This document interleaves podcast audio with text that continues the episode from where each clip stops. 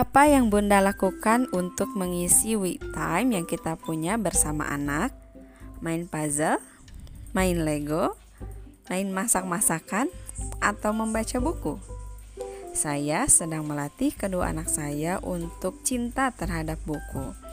Melalui kegiatan membaca nyaring ini, saya berharap week time yang kami punya bisa menjadi bonding untuk kami dan semoga menjadi salah satu upaya kami menaikkan angka literasi di Indonesia. Selamat mendengarkan episode membaca nyaring dari kami.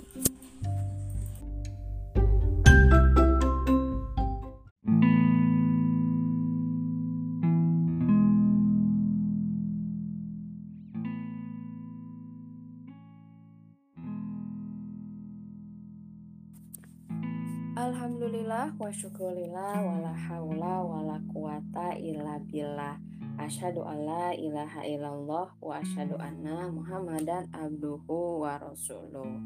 Sahabat pendengar podcast Jurnal Abdi Kembali lagi di siaran kali ini di segmen Pekan bahasa. Pekan Bahasa bersama Bunda dan akak. Aka siapa? Aka Faik. Hari ini masuk ke episode 5 kita akan membacakan kisah sahabat penghafal Quran yaitu Utsman bin Affan uh, Utsman bin Affan. Kira-kira kita akan dapat pelajaran apa lagi nih dari kisah para sahabat penghafal Quran? Menurut Tahu. Aka hmm, tahu. Ya udah kalau gitu kita langsung saja baca kisah yang ketiga tentang Utsman bin Affan. Anak-anakku yang dirahmati Allah, Utsman bin Affan bin Abil As adalah sahabat yang hafal Al-Quran dari kalangan Khulafaur Rasyidin. Dia adalah khalifah ketiga pengganti Umar bin Khattab. Ibunya bernama Arwa binti Quraisy bin Rabi'ah. Dia termasuk sahabat terkemuka.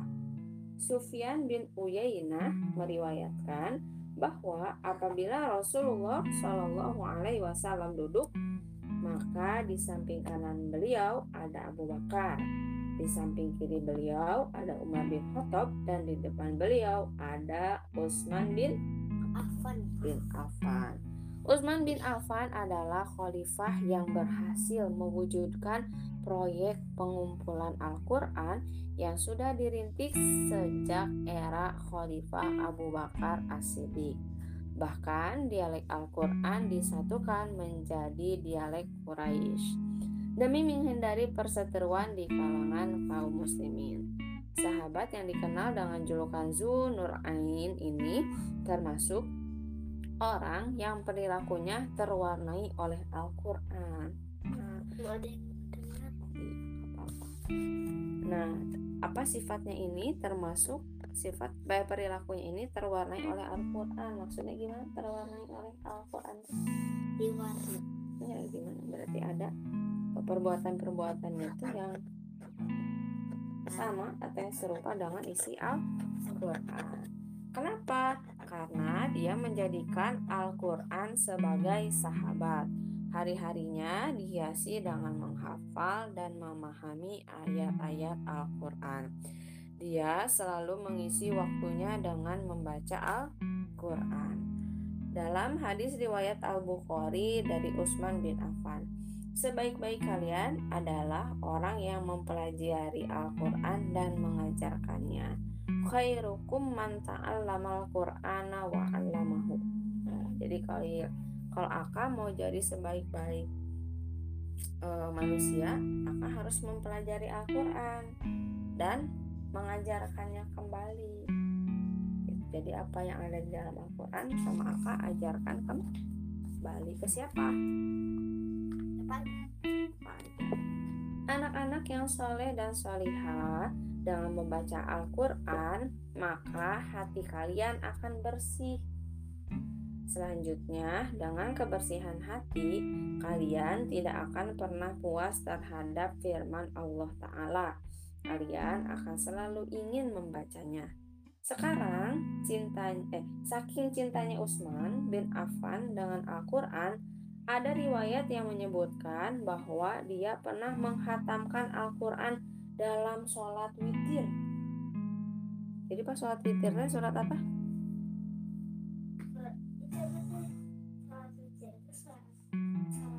Yang tiga rakaat ya. Mau sholat tarawih atau sholat tahajud, cuman tiga rakaat. Utsman bin Affan ini saking cintanya sama Al-Quran pernah menghatamkan Al-Quran dalam sholat iya tiga tiga rakaat pas sholat titir masya Allah. Kebiasaannya yang selalu melewati hari-harinya dengan membaca Al-Quran tersebut terbawa terus berlanjut. Gimana caranya semua surat? Iya dibaca semua sholat mungkin satu rakaat 10 juz rakaat kedua 10 juz rakaat ketiga 10 juz. Jadi selesai 30 juz dalam waktu witir 3 3 ro 3 rakaat. Bahkan dia wafat pun dalam kondisi sedang membaca Al-Quran Hmm, saking cintanya sama Al-Quran setiap saat dia membaca Al-Quran terus wafatnya juga dalam keadaan sedang membaca Al-Qur'an. Nah, di sini ada pesan nih dari tim Kitabah Diaul Ilmi. Katanya gini, perbaiki bacaan Al-Qur'an. Anak-anak yang dirahmati Allah, Inilah hal-hal yang harus kalian perhatikan sebelum menghafal Al-Quran. Apa aja? Ada tiga. Yang pertama, memperbaiki bacaan Al-Qurannya dulu. Bacanya yang benar harus didahulukan sebelum menghafal Al-Quran. Kalau bacanya salah, ya nanti apa? Berarti pas menghafalnya juga salah. Jadi baca Qurannya dulu yang benar sebelum dihafal. Jadi nanti kalau bacaannya salah, pas baca Quran, pas ngapalin, tapi bacaannya salah, akan ngapalinnya yang salah, we terus gitu. Baca yang benar harus didahulukan sebelum bacaan yang benar harus didahulukan sebelum menghafal Al-Qur'an. Karena bacaan yang salah akan membuat hafalan menjadi salah juga. Yang kedua, caranya sebelum e, menghafal Al-Quran, membaca berulang-ulang. Bacalah Al-Quran berulang-ulang terlebih dahulu, jangan langsung menghafal. Nah, makanya kalau akal lagi menghafal sama bunda gimana tadi?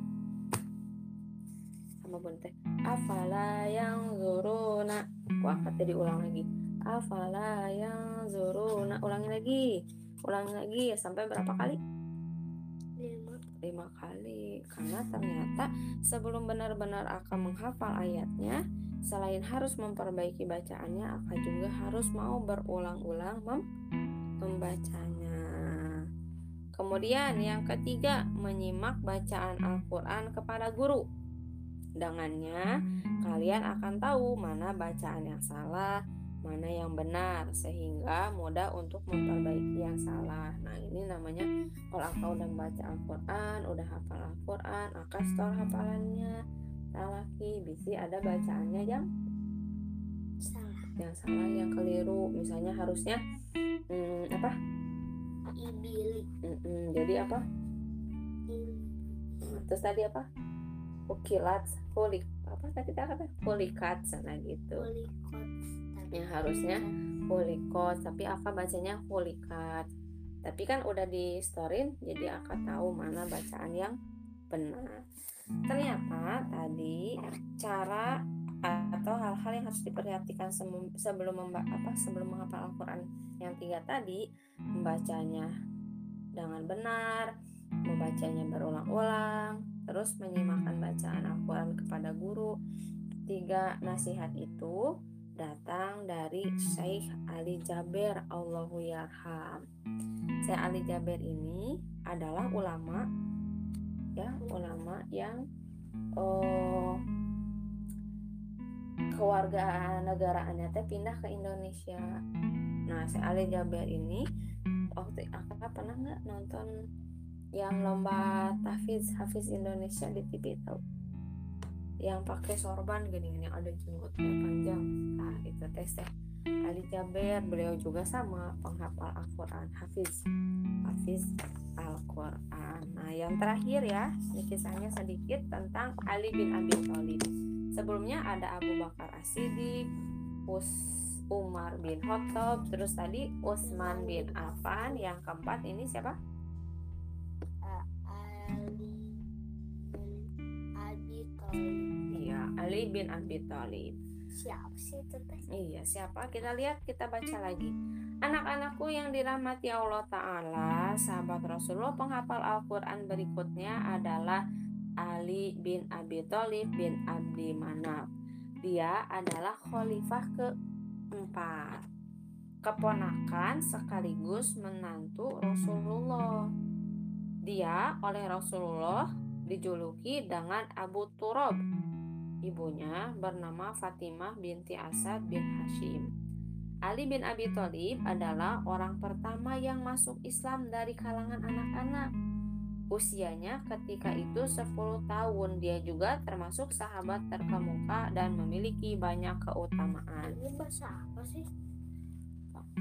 Nah, jadi Kak, Ali bin Abi Thalib ini adalah sahabat Rasulullah yang dari kalangan anak anak-anak yang pertama kali masuk Islam. Ali bin Abi Thalib waktu berapa tahun masuk Islamnya?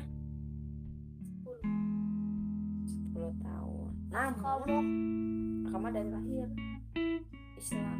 Ya, iya, tapi kan waktu itu Islamnya belum belum tersebar luas. Jadi eh, Ali bin Abi Thalib ini adalah orang yang paling muda masuk Islam saat usianya ayah Rasulullah 10 tahun. Rasulullah pas nerima wahyu umur berapa tahun? 40 tahun. Gitu. Jadi Rasulullah tahu ajaran Islamnya pas dari umur 40 tahun. Pas Rasulullah diangkat menjadi Rasul. Ya, menjadi nabi. Nah, namun ternyata kehidupan Ali bin Abi Thalib itu sangatlah sederhana. Saat menjadi khalifah, dia tetap memilih menggunakan selimut yang tipis. Gitu. Iya kan hidupnya sederhana Ali bin Abi Thalib. Nah, Ali bin Abi Thalib dikenal sebagai seorang pemberani. Bahkan ketika Rasulullah dikepung oleh orang-orang musyrikin Mekah yang hendak membunuh beliau, dia berani menggantikan beliau untuk berbaring di tempat tidur beliau. Nah, jadi waktu itu Rasulullah teh? Rasulullah. Jadi waktu itu Rasulullah teh mau dibunuh.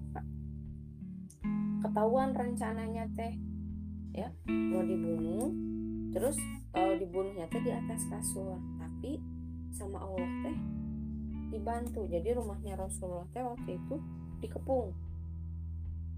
Dikepung sama orang-orang yang mau membunuh Rasulullah. Tapi ketahuan. Ya oh dikepung nih saya dikepung mau dibunuh. Nah akhirnya oleh Allah eh, dibantu. Ya Ali bin Abi Thalib ini tidur di kasurnya Rasulullah biar nanti teh orang-orang yang membunuh Rasulullah menyangka kalau itu teh Rasulullah Ali bin Abi Thalib rela me- apa, mengorbankan nyawanya demi Rasul demi Rasulullah. Nah ternyata sama Allah teh diselamatkan. Yang mengepung itu teh sama Allah teh dibuat ngantuk. Nah, udah dibuat ngantuk, pas lagi pada tidur Rasulullah pun pergi. Terus pas si yang ngepungnya tersadar masuk ke tempat tersembunyi Rasulullah pas dilihat ternyata eh ini mah Ali bin Abi Thalib. Mana Rasulullahnya? Akhirnya Rasulullahnya dicari-cari. Ali pun selamat tidak dibunuh. Begitu juga dengan Rasulullah di masa pemerintahannya Ali bin Abi Thalib mengasuh pengikutnya apa ya menghasung teh di masa pemerintahannya Ali bin Abi Thalib menghasung pengikutnya untuk menghafal Al-Quran. sehingga banyak di antara mereka yang hafal Al-Quran. Hal ini untuk menjaga agar Al-Quran tidak musnah, sekaligus sebagai sarana untuk meneruskan Al-Quran kepada generasi berikutnya. Dalam hadis yang diriwayatkan oleh Al-Bukhari, Wahai Ali, engkau bagiku seperti halnya Harun bagi Musa. Hanya saja tidak ada nabi setelah gitu. Jadi e, Rasulullah bilang kalau ternyata Ali itu seperti Ali dan Rasulullah itu seperti Harun dan Nabi Musa. Tapi kalau setelah Nabi Musa ada nabi lagi dan setelah Nabi Muhammad nah tidak ada nabi lagi anak-anak yang soleh dan soleha, Ali bin Abi Thalib juga dikenal sebagai seorang ahli tafsir. Sebagaimana yang disebutkan dalam kitab Al-Bidayah wa An-Nihayah. Suatu ketika dia pernah mengumpulkan para penghafal Al-Quran di mana masing-masing membaca mushaf. Kemudian setelah semuanya berkumpul lantas dia berkata, Wahai mushaf Al-Quran, berbicaralah kepada orang-orang ini Tentu saja mushaf Al-Quran tidak bisa berbicara. Itu merupakan cara cerdasnya untuk memberikan pengertian kepada mereka bahwa Al-Quran tetap perlu diberikan penafsiran. Namun, yang boleh menafsirkan adalah para ulama yang benar-benar ahli tentang Al-Quran. Jadi waktu itu teh Al-Qurannya sudah dimusabkan, udah ada nih wujudnya. Nah, terus uh, Ali bin Abi Thalib ini memotivasi, menyemangati kepada para sahabatnya biar walaupun Al-Qur'an sudah dibukukan, Al-Qur'an itu harus tetap dipelajari dan tetap dihafalkan. Gimana caranya? Pas ayo kumpul kata Ali teh tadi ceritanya di di kitab Al-Bidayah wa Anihaya. Ayo kumpul. Terus Ali teh bilang gini, "Wahai mushaf, berbicaralah kepada orang-orang ini kira-kira bisa bicara nggak bukunya enggak. Nah Ali bin Abi Thalib teh mau ngasih tahu bahwa walaupun Al-Quran yang sudah dibukukan Al-Quran itu tidak bisa berbicara sendiri. Kamu bisa dong. Enggak. Itu teh cara Ali bin Abi Thalib ngasih tahu bahwa Al-Quran itu harus tetap kita pelajari dari walau aku udah ada wujudnya walau bisa dibaca tapi harus tetap bisa dipelajari. Nah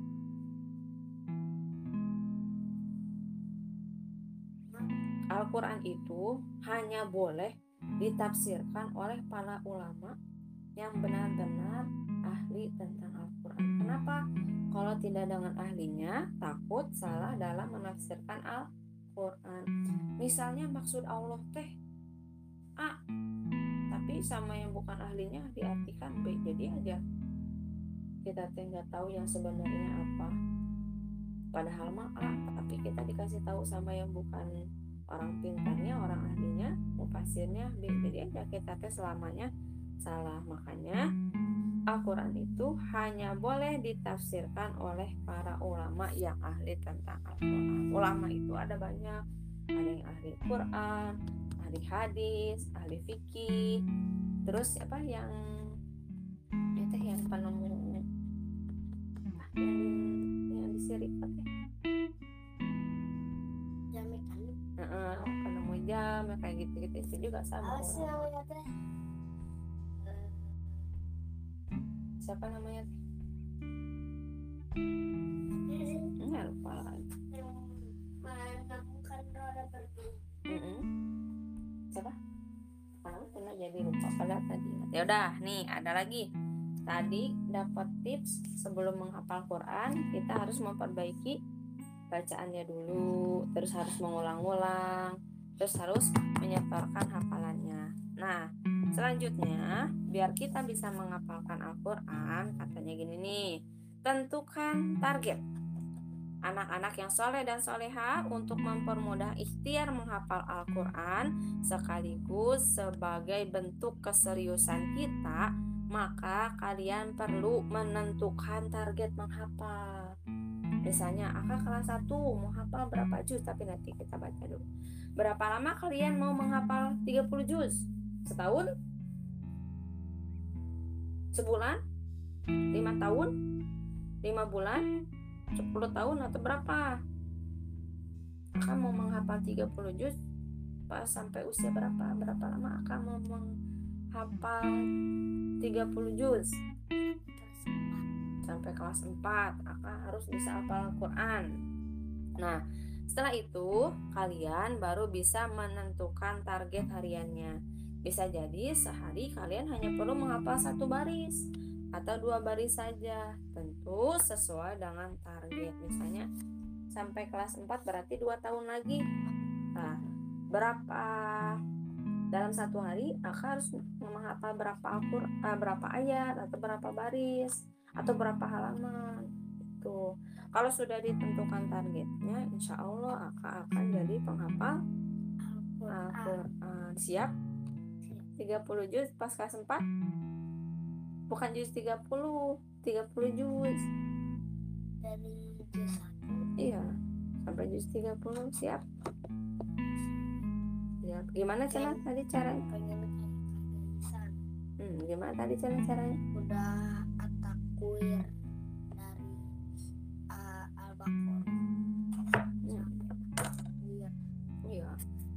nanti kita tentukan ya waktunya. Setiap hari akan harus menghafal berapa banyak. Dia nanti sampai pas angka kelas 4 lulus kelas 4 eh naik kelas 5 berarti. Selesai angka kelas 4 akan ha, oh, hafal juz 1 sampai 30 tiga